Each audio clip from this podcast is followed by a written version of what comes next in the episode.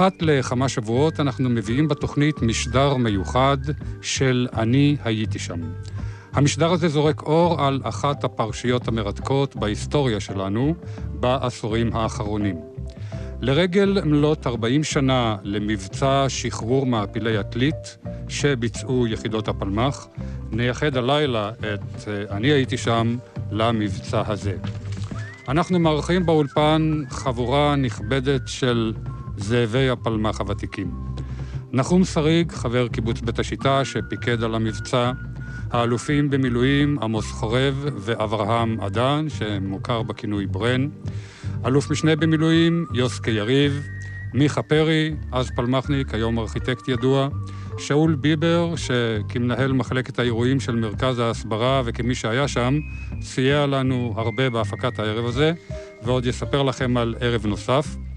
הפלמחניק, ההיסטוריון מאיר פעיל, שר הביטחון יצחק רבין, שקיווינו שישתתף, נמצא בחו"ל, שאול אפס לא הצליח להביא אותו אלינו, אה, מחוץ לארץ ברגע האחרון, ונשמיע איפה הקלטה של אה, דבריו.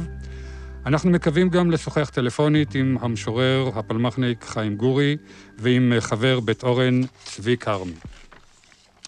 מפי אורחנו נשמע את סיפור המבצע, ואילו המעפילים שהיו שם בעתלית ושוחררו באותו מבצע, מוזמנים לטלפן אלינו, לספר על חלקם ולחדש קשר. אנחנו בשידור חי באולפן שלוש בתל אביב, ועימנו בצוות משה ספוז'ניקוב שעל הטכניקה, אורלי נייגוס, מדר דגן ודני בלומברג, עוזרי ההפקה.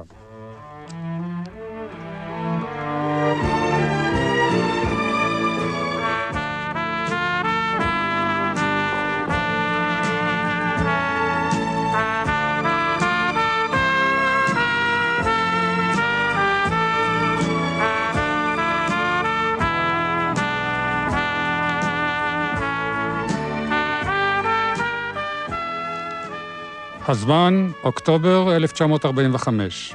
הבריטים מיישמים את מדיניות הספר הלבן.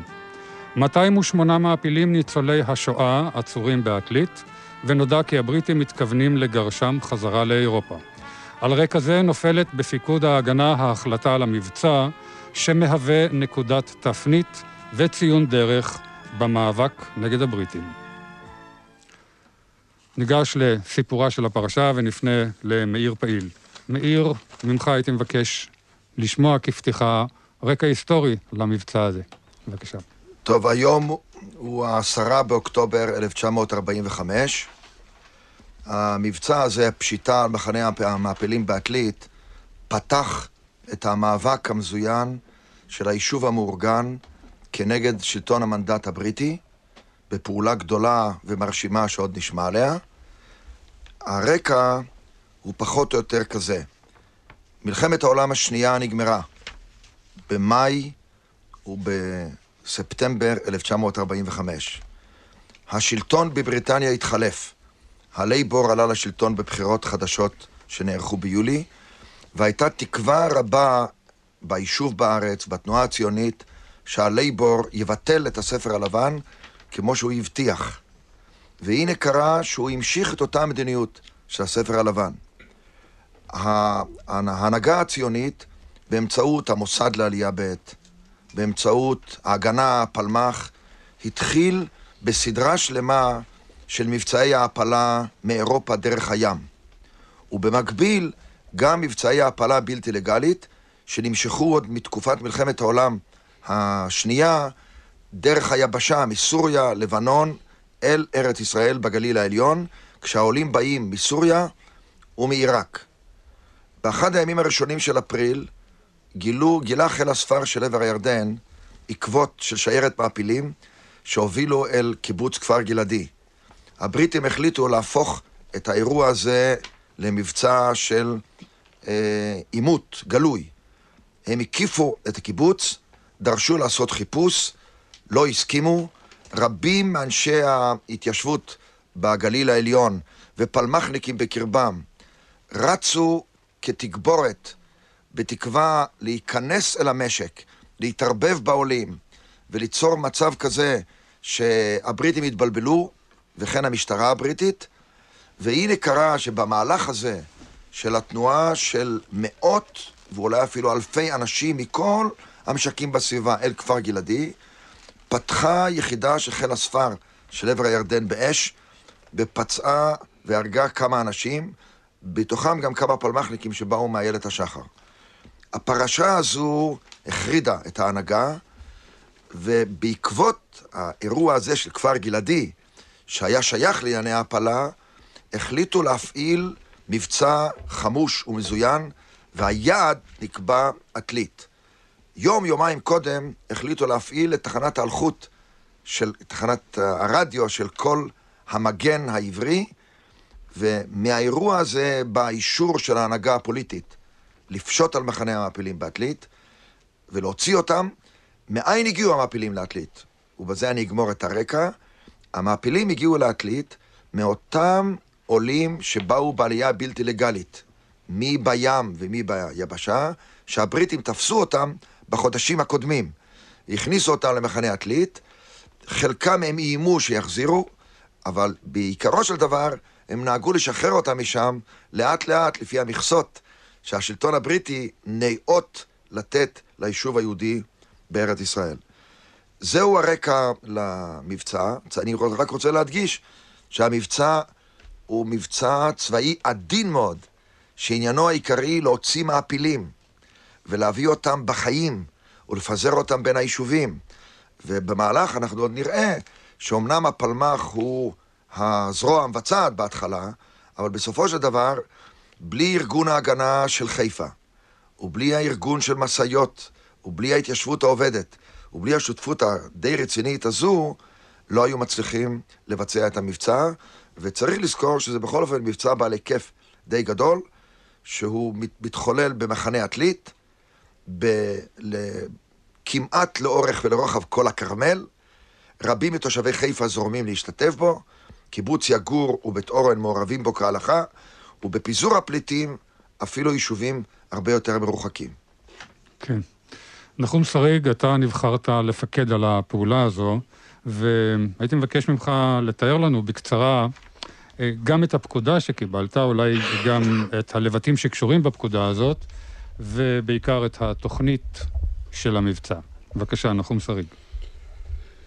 ובכן, אה, על פי החלטת מפקדת ההגנה, עד כמה שאני מבין, שההחלטה הזאת נתקבלה על סמך החלטות במוסדות התנועה הציונית, הוטל על הגדוד הראשון של הפלמ"ח, שאני הייתי מפקדו, לבצע את שחרור מעפילי עתלית.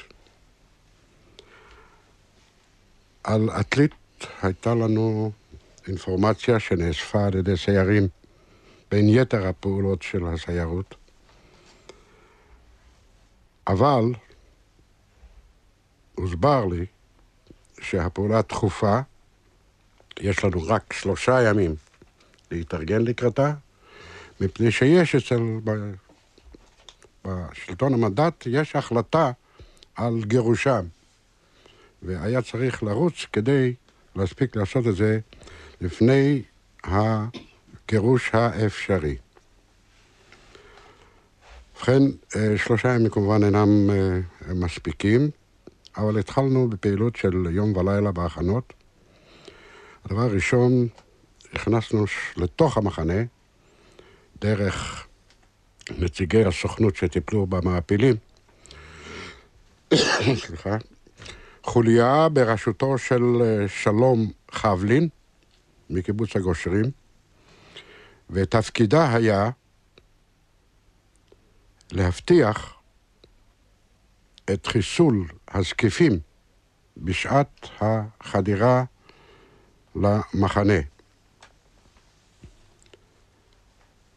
לאחר מכן היה צריך לקבוע, כמובן, את התוכנית בשטח, כאשר היה ברור שזו פעולה שמחייבת לראשונה השתלטות על שטח, על טריטוריה שרוחבה השתרע על שמונה קילומטר, ואורכה היה ממחנה עתלית ועד יגור.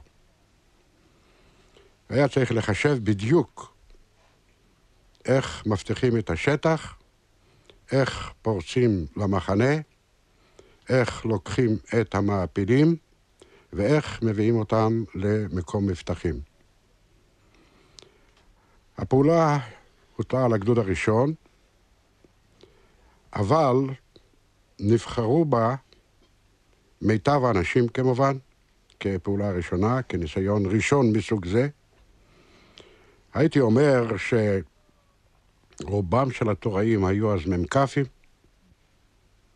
רובם של המ"מים היו מ"כים, ומפקדי פלוגות, או במקביל לפיקוד הפלוגה, היו מפקדי המחלקות. הכוח הפועל, מלבד החוליה שהייתה בפנים, אה, חלק אחד היה מאורגן להבטחת האזור, כלומר חסימות על הצירים שצריך לקחת בחשבון אפשרות של תגבורת כדי למנוע את הפעולה. החלק השני היה הכוח הפורץ, כשהוא מחולק לשני גופים, אחד שפורץ פנימה ומארגן את המעפילים לתנועה. החלק השני, בפיקודו של יצחק רבין, היה החלק שהיה צריך לאבטח את הביצוע בפני אפשרות של כניסה לקרב של כוחות המשטרה במקום, כוחות בריטים ומחנות צבאיים שהיו באותו אזור. הפעולה ברגע האחרון נדחתה ל-24 שעות. הבחורים נכנסו קצת להתרגשות, מפני שחשבו שהנה הולכת פה דחייה שעשויה לבטל את הפעולה, וחיכינו בכליון עיניים לאישור הפעולה, ואכן היא אושרה באיחור של 24 שעות. נחום, פה אני אעצור אותך, כי עכשיו אנחנו נעבור על הפעולה ב- לשלביה השונים, ואני עוד אה, אבקש ממך להצטרף בשלב יותר מאוחר. אז יש uh, תוכנית, וגם למרות התחייה זה מתבצע. נעבור עכשיו אולי לתוך המחנה פנימה, ונראה מה עושים החבר'ה שצריכים להכין את הדברים מבפנים. שאול ביבר, אתה היית שם. בגלל מרחק השנים, ובגלל זה שפעמים רבות הרציתי על בתי ספר, בבתי ספר הזה, קצת מטושטש אצלי מועדים וזמנים, אה, ולא כל כך מדויקים, ויכול להיות שיתקנו אותי פה. מה שזכור לי, שבתשיעי לחודש, יום לפני שהפעולה בוצעה, נקראתי אל נחום שריג בבוקר, ונמסר לי שמוטל עליי ועל עוד קבוצה של אנשים, שאני אבחר אותה, להיכנס למחנה ולחסל את הזקיפים. אני הייתי אז מדריך בקרב מגע, ובחרתי את האנשים שנראו בעיניי הטובים אה, ביותר לבצע את הפעולה כמנוסים בקרב מגע וכן הלאה. אה, נכנסנו מוסווים בתוך אה, מכונית, אה, משאית שהובילה האוכל למחנה, וכשבאנו למחנה גילינו שלפנינו כבר נכנס אותו שלום חבלין, אה, והוא כבר הכין לנו את הרקע למחנה, לפעולה בפנים. כשאנחנו נכנסנו לפנים, הפקודה שקיבלנו, אתם בפנים המחנה, אתם תבדקו איך, אבל אתם חייבים לחסל את הזקיפים שבפנים המחנה ולאפשר לכוח שיבוא מהצפון בשעה 12 בלילה לחדור למחנה. כשנכנסנו לפנים המחנה והתחלנו לצייר, נראה לנו הדבר הזה כבלתי אפשרי. את המחנה הקיפו מארבע, מארבע צדדים, הקיפו גדרות סבוכות מאוד וגבוהות מאוד, ביניהם הלכו השומרים, כשהם מוארים על ידי פנסים רבי עוצמה. ביום עלו הזקיפים על מגדלים ושמרו, ובלילה ירדו מהמגדלים והלכו בתוך הגדרות, ונראה לנו כדבר בלתי אפשרי בכלל להגיע אליהם. כמו שהתברר אחר כך, אם היינו צריכים לעשות את זה באותו לילה, לא נמצא לנו פתרון לדבר הזה. וידענו שבשעה 12 בלילה יבוא הכוח מהצפון, בכוח של, לא ידענו פרטים, אבל יצטרך לעשות, לבצע את הדבר הזה בכוח. כל המחנה הזה הוקף מכל כיווניו, חוץ מהצפון, בדרך מקרה, במחנות עצומים וענקים של בריטים. והיה גדוד מיוחד שהיה מופקד על שמירת המחנה עצמו. וכל שהתאחרו השעות, היינו בטוחים שהדבר הזה יהיה חייב להתבצע בכוח, ושלא נמצא שום דרך אחרת. לשמחתנו הרבה, באותו לילה, לפי סימן מוסכם מראש, ראינו שלוש מדורות על הכרמל, אז אמצעי הקשר היו אולי כמו בתקופת התנ"ך, שאז, כמו בתקופת בר כוכבא, שאז התברר לנו שהפעולה נדחית ל-24 שעות. בינתיים, בלי שאנחנו ידענו על זה, יכול להיות שנחום ידע, יכול להיות ששלמה חבלין שנכנס לפנינו ידע, הופיע בפנינו בחור מעין חרוד, שאחר כך הסתבר שהוא נשלח מטעם ההגנה לשרת כשוטר במסגרת השלטון הבריטי, והוא הצליח uh, בדרכים שאינני יודע איך להגיע למחנה עתלית ולהיות שם השוטר. הוא הופיע בפנינו כמו המשולח מארץ הקודש שמחכה רק לעשות מצווה. הנה, הוא התגייס לשורת הצבא הבריטי בשביל לשרת את ההגנה.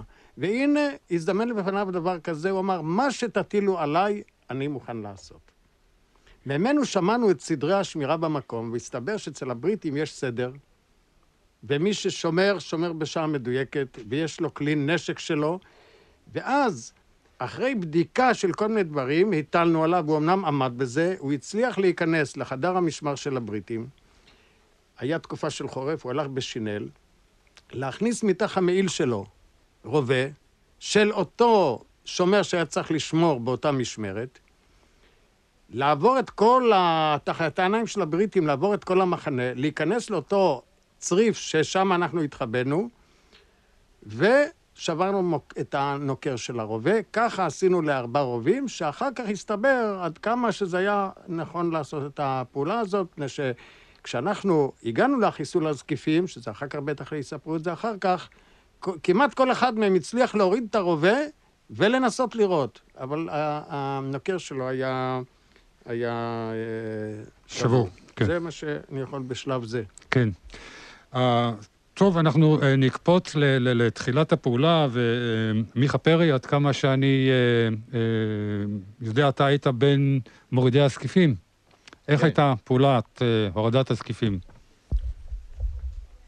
פעולת הורדת הזקיפים, כפי שכבר שאול אמר, הוטלה על, היינו שם שישה בחורים, כולנו היינו מדריכים לאימון גופני. ולאחר שבדקנו מה שקורה בתוך המחנה, ראינו שהאור של הפנסים מכוון מהגדרות פנימה, כך שלא ניתן מהמחנה לגשת אל הגדרות.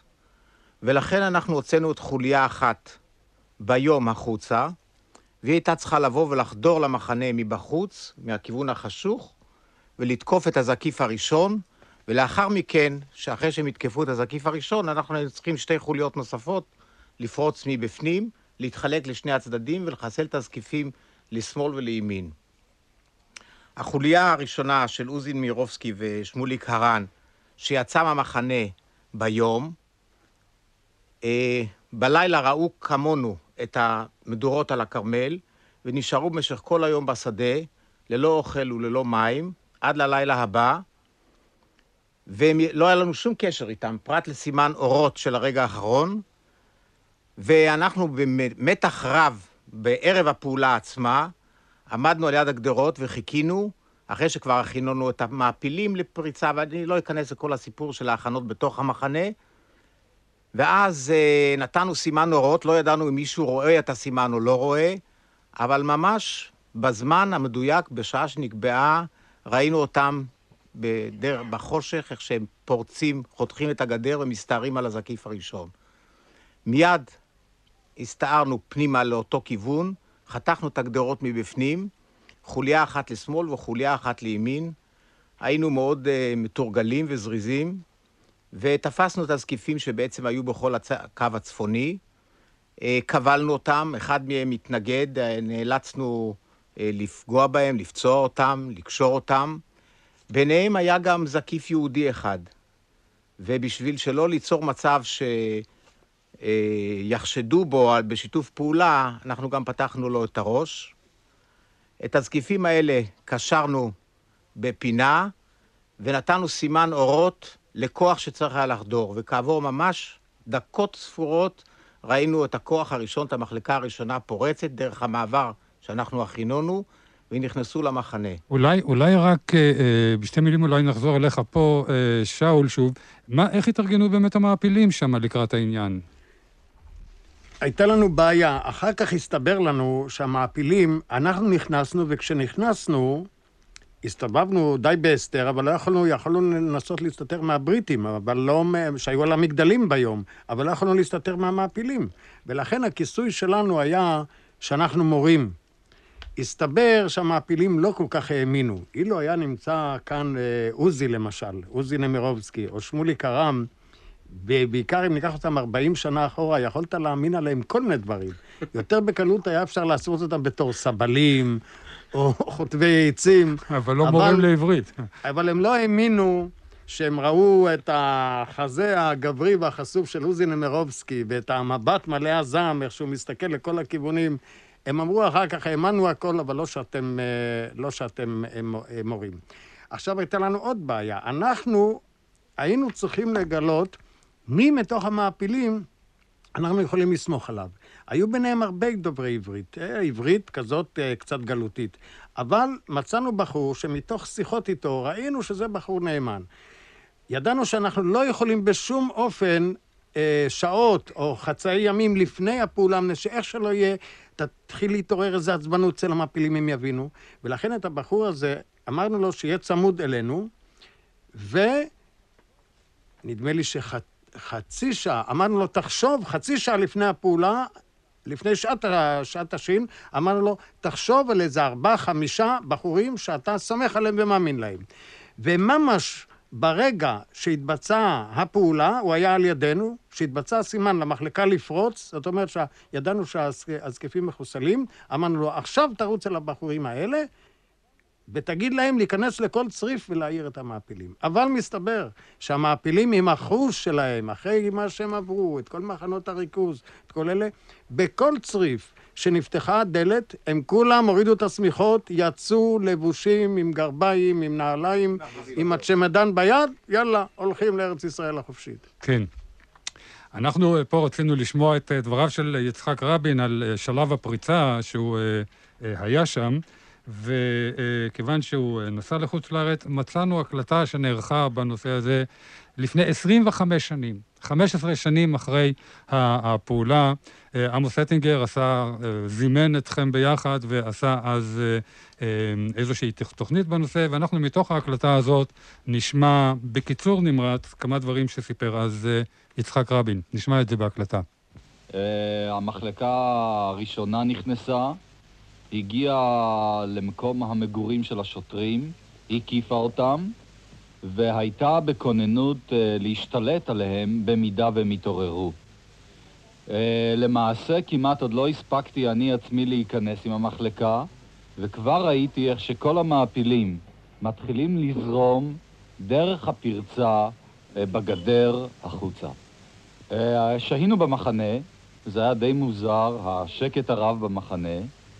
וכאשר עברו הדקות הספורות שנקבעו לנו, יצאנו, אה, נענו די מהר, ולמעשה השגנו את המעפילים, אה, לפחות את המזדנבים שבהם, על יד הכביש. כן. אה, יצחק רבין ב-25 שנים צעיר יותר. אברהם אדן, אתה היית שם בכוח הפורץ, אולי תשלים את דבריו של רבין. כן, אני הייתי בחוליה הפורצת, כל הדרך אה, רצתי עם הנשק ועם אה, מספרי הפריצה, מספרי החיתוך. שכבנו בשלף חמש דקות לפני חצות, חיכינו לאות, היה, הייתה דממה, לפתע נשמע איזו צעקה חנוכה, ראיתי אותות של אה, איתות של פנס בתוך המחנה, ואז קיבלנו את הפקודה אה, הפורצים פעל. קפצנו קדימה, חתכנו בגדר פרצות, ועם כל המחלקה הפורצת נכנסנו פנימה. אני לא יודע מי הוביל, ככה הייתה דממה רבה, פרסו אותנו לפני הצריף שבו היו השוטרים הבריטים, וכל רגע חיכינו אם יתעוררו או יפרצו, ייתכן מאוד שהם יתעוררו, אבל החליטו, מה שבטוח בטוח, לשים עצמם כישנים, וכעבור כמה דקות, באמת בשקט, התחילו מכל הצריפים לזרום המעפילים עם המזוודות, לצאת אה, ונעלמו בחושך. אנחנו, המחלקה הפורצת, גם ביציאה, על פי התרגולת, היינו המאסף. ולכן המשכנו לשהות זמן מה במחנה, עד אשר הגוף שליווה את המעפילים התרחק מאיתנו. וכעבור איזה תקופה קצרה, חמש, עשר דקות, ניתקנו מגע, ובריצה רצנו לכיוון אה, מורדות הכרמל, והשגנו את הגוף על הכרמל. העלייה על הכרמל הייתה קשה, מכיוון שלא הלכנו באיזשהו, באיזשהם שבילים. היו סלעים, היו שיחים קוצניים, וכשהגענו לגוף כבר ראינו שהוא הולך כגוש אחד גדול, אה, לא במיוחד מסודר. אה, הרבה אנשים סוחבים מזוודות על הכתפיים, בידיים, אה, נשים בשמלות, והפלמחניקים עוזרים, לוקחים מהם את המזוודות, נותנים להם יד, דוחפים אותם, והקצב היה מאוד איטי. מפעם לפעם נחום שריג היה עוצר את הגוף, מדבר אליהם ביידיש, לא בדיוק הבנתי, רק הבנתי שהוא מנסה לשכנע אותם לוותר על המזוודות. והשעה הייתה מאוחרת, והוא חשש שלא נספיק. וכך המשכנו להתקדם, כאשר uh, מפעם לפעם חוזר הניסיון לשכנע אותם לוותר על המזוודות, אבל עם הציוד המועט הזה הם הגיעו בכל הדרך מהגולה ועד עתלית, ולא עלה בדעתם לוותר על המזוודות האלה. אתם כפלמ"חניקים אז הייתם יכולים להבין, אברהם, את, ה... את חשיבות הפק הלך הללו שהמעפילים סחבו איתם? Uh, כן, תראה, יכולנו לתאר לעצמנו, כשאתה רואה אנשים לא צעירים לפעמים, uh, נשים שבקושי מתנהלים בין סלעים ובין שיחים, בקושי מושכים את עצמם במעלה ההר ולא מוכנים לוותר על המזוודות, יכולנו לשער וגם לתאר, ובאמת ניסינו להם לעזור ולסחוב את המזוודות, אה, למרות שקצב ההליכה היה איטי, והרגשנו שעוד מעט השחר יעלה, ועוד רבה הדרך לפנינו. אה, עמוס חורב, מה קורה הלאה? אני חושב שצריך לשאול מה קרה לפני זה. שהפעולה הזאת אה, לא התחילה בפריצה, היא התחילה במסע מיגור לבית אורן. העברת הכוח כולו, שבאותה תקופה היה כוח בהיקף אה, שלא היינו רגילים לו. זאת הייתה תנועה לא פשוטה, אשר נמשכה לילה למעשה, כאשר הכוחות התרכזו בבית אורן, ביערות בית אורן עצמם, לא במשק ברור. והכוח חנה ביערות עד הערב שלמחרת. ופה אה, היה לוח זמנים צפוף למדי, לוח זמנים שנקבע אה, למועד הפריצה למחנה. לקראת החשיכה, אני זוכר שהייתי אז אה, עם יחידה מהכשרת אה, נירים, פלמ"ח נירים, הובלנו את הכוח הפורץ בירידה ממורדות הכרמל עד הכביש הראשי, ותפקידי היה לבצע את החסימה צפונה לכיוון חיפה. והכוח המשיך את דרכו אה, לכיוון המחנה, וכפי ששמעתם, אה, ביצעו את הפריצה, ותיאור המעפילים כבר בדרכם חזרה להר. אה, כנראה שידעו על קיום החסימה, הראיה שאף אחד לא העז לבוא מכיוון חיפה לכיוון החסימה. וכאשר הכוחות והמעפילים עברו את הכביש, אני הצטרפתי כמאסף לכל הכוח כולו. ופה אני חייב לחזור לסיפורי ברן, התמונה של אנשים שבהחלט לא היו לבושים בצורה מתאימה לעלות במורדות הכרמל, לא מבחינת נעליים ולא מבחינת הרגל ואימון, השתרכו לאורך המעלה הזה, כאשר כולנו דוחפים בהם, עוזרים להם, מסייעים להם, ומנסים לשמור על אה, הגוף הזה, אני לא אקרא לזה עדר של בני אדם, בצורה מסודרת, כאשר אף אחד מהם אה, לא הלך לאיבוד מתוך הקבוצה אה, כולה. ועשינו את דרכנו במעלה עצמו. לא שלא הלכנו בשביל, שם לא היו שבילים. עד שלקראת עלות השחר למעשה, אנחנו הגענו לאזור שבו למעשה חנינו לילה אחד קודם. וכאן לא ידענו מה המצב.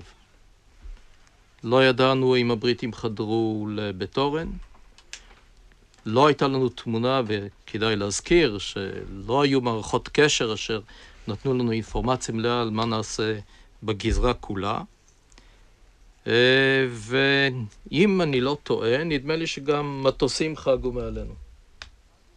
היו ספיטפיירים שחגו מעלינו. ביום. עם שחר. אני זוכר, אם אני יכול להתייחס להרגשות או תחושות אה, שלפני 40 שנה, התמונה מאוד לא הייתה ברורה. האם נצטרך להילחם בתוך uh, היער? האם נצטרך להחזיק מעמד ולהגן על המעפילים? או יימצא פתרון כלשהו.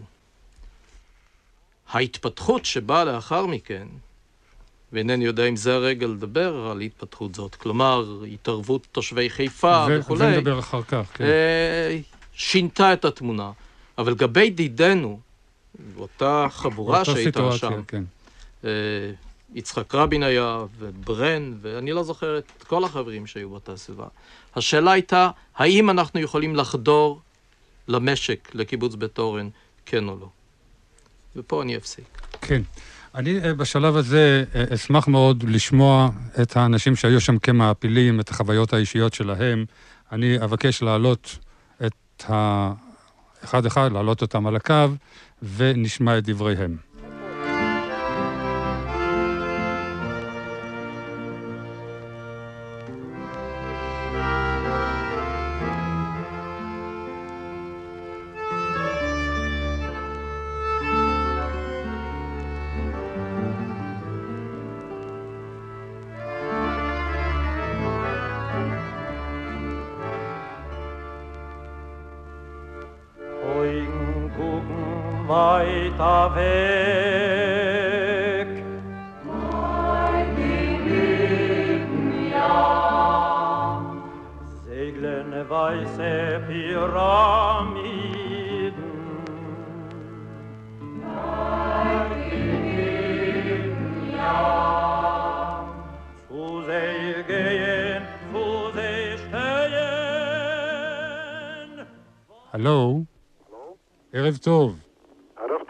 בבקשה, מה שמך? שמי דוב רוזן. כן, דוב. איש אתה... קיבוץ מצובה, 40 mm-hmm. שנה. Mm-hmm. Uh, אני רוצה לנצל את ההזדמנות החגיגית, קודם כל להודות לכל אנשי הפלמ"ח, אולי בשם כל המעפילים, שעשו מה שעשו. זה היה מבצע יוצא מן הכלל. ומה שיש לי לספר, mm-hmm. קודם כל, כשיצאנו את הגדר, היד הגדר עמדה פלמחניקית צעירה במכנסיים צרים עם נשק, כן. זה כבר הייתה הרגשה אחרת לגמרי מאשר להיות סגור. אחר כך המוראות הנוספים שהיו שם, בדרך שנסענו עם אוטו כבר בכיוון בית אורן, פתאום בא קומנדקר ממולנו וירה עלינו. ואז קפצנו כמובן מהמכוניות והייתה מהומה גדולה. ועד כמה שאני מבין, נחום שריג נאלץ לשנות את התוכניות, ועשינו את כל הדרך מבית אורן ליגור ברגל. כן. אחר כך, אה, מה שעוד מעניין אולי, כאשר נאלצנו לעבור את כביש עוספיא, אז פתאום בחורצ'יק, שלא ידעתי למה הוא סוחב איזה מזוודה עם קש, אולי הוא שומע את השידור עכשיו, פתאום הוריד את המזוודה והוציא מרגמה 52 מילימטר, והתברר שהוא היה מאנשי הפלמ"ח, והוא בא להבטיח את הכביש, את המעבר של הכביש. כן. הגט בבקשה, דוב, בן כמה אתה היום? בן 61. כלומר, אז היית בן 21. נכון מאוד. אה, מניין אתה הגעת? מהונגריה. ומאילו נסיבות הגעת בהונגריה? מה עבר עליך שם? בקיצור. מה עבר עליי שם? מאוד בקיצור, כן. אה, פשוט אה, עם ניירות מזויפים בתור גוי הסתתרתי בבודפשט וככה עברתי את התקופה הקשה עד שהרוסים נכנסו וראיתי מהר מאוד שמהם לא תבוא ישועה גם ומהר לצאת מהונגריה ולהגיע לישראל. אגד, כאשר אתה היית בעתלית, אתם ידעתם שם כמעפילים שאומרים לשלוח אתכם חזרה לאירופה? אנחנו ידענו שעומדים לשלוח אותנו למאוריציוס. אם זה נכון או לא נכון, אני עד היום לא יודע. מה... אבל uh, מאוריציוס, לא מאוריציוס, העיקר שאנחנו הגענו. אגד לי, מה קרה אצלכם שם בצריף? כמה אנשים הייתם בצריף? ב, לא יודע, בכל צריף, בצריף שלנו היינו איזה 50-60 איש. מה? אני הייתי בין אלה עם, עם חברי יעקב, שחבר קיבוץ מצוב עד היום גם. Mm. אה, כל ערב לא ידענו באיזה לילה זה יתבצע. נתנו הוראה אה, ללכת עם בגדים, עם נעליים לישון, על מנת שאנחנו לא נהיה גורם מפריע כאשר נצא. דוב, תודה רבה לך. כן, יש עוד שיחה על הקו? הלו? מדברת הדסה הנטוש. שלום הדסה. אני הייתי שם, אבל לא שוחררתי באותו הלילה. כן. אה, אני הייתי חולה, והחברים שלי כנ- כנראה קיבלו הוראה לא, שחר... לא לשחרר אותי. אה, אחרי הצהריים הייתה אה, מהומה כבר במחנה. אחד החברים, שהוא איננו איתנו כבר, יעקב וייס, שהאנגלים תלו אותו, בא אליי ואמר שנדמה לו שהלילה יקרה משהו.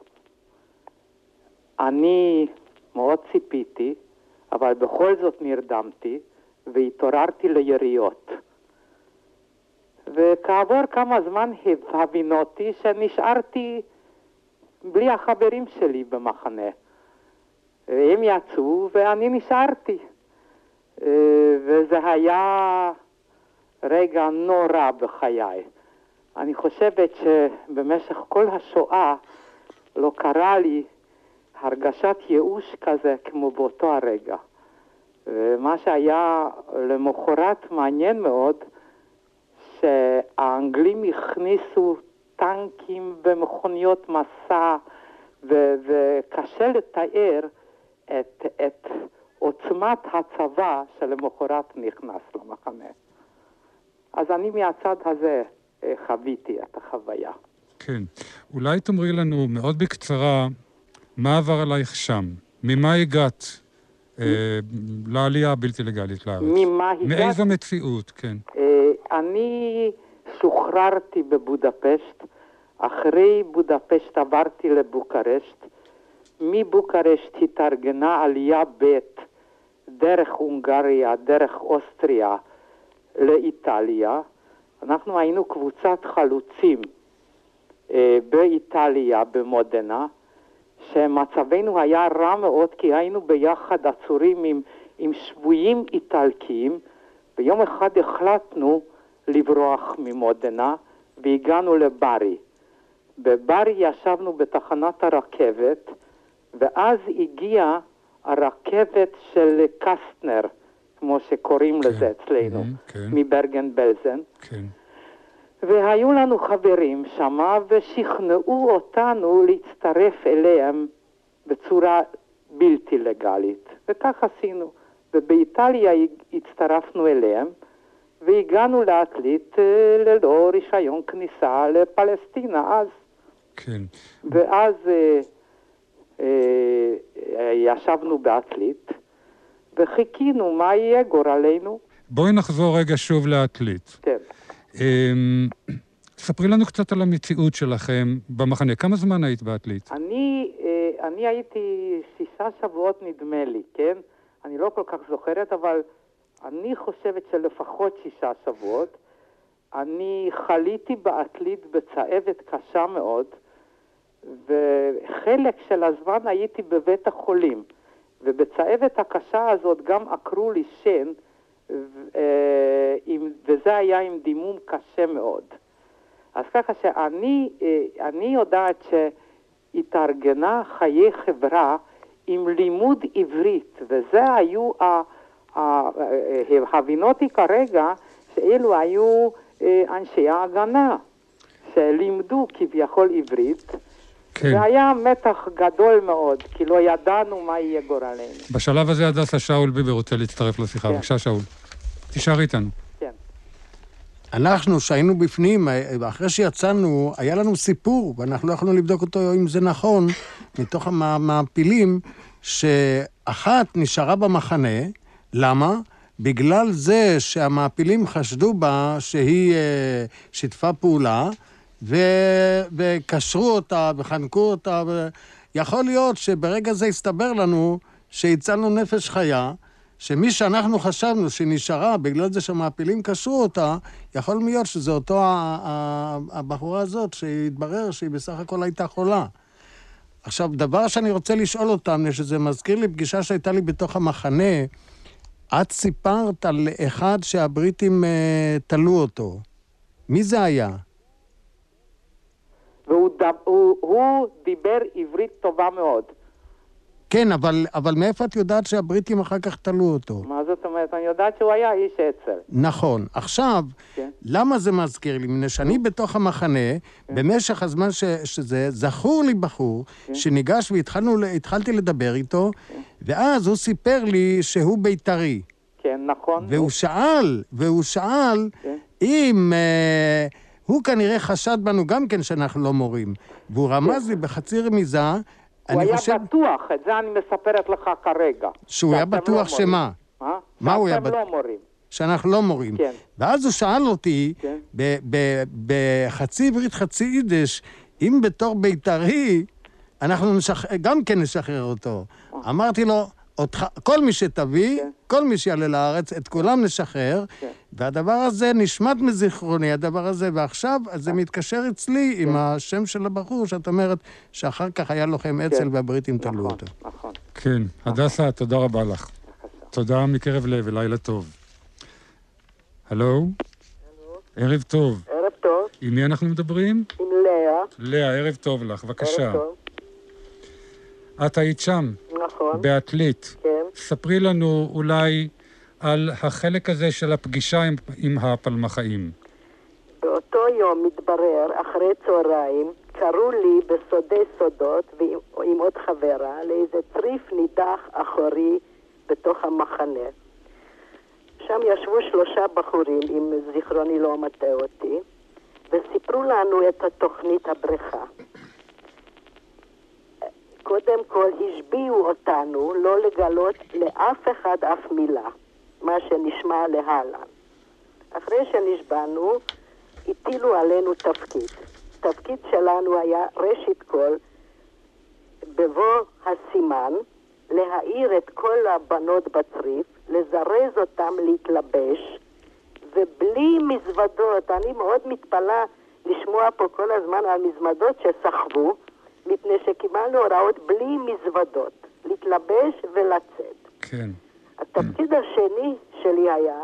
אני, רגע, אני, אני, סליחה. בתוך הצריף הזה, אישה אחת שכל הזמן התהלכו שמועות שהיא נוצרייה, משתפת פעולה עם הגרמנים לשעבר, ואותה משאירים במחנה. אמרו לי שאני אקבל עזרה, שלושה בנים, הם יקשרו אותה, ואני צריכה לסתום את הפה. שלה, להשאיר אותה במחנה. עכשיו, אה, כשחזרתי עם המידע הזה ועם התפקיד הזה לצריף שלי, לתדהמתי הרבה, מה אני רואה? כל הבנות אורזים את המזוודות, אורזים.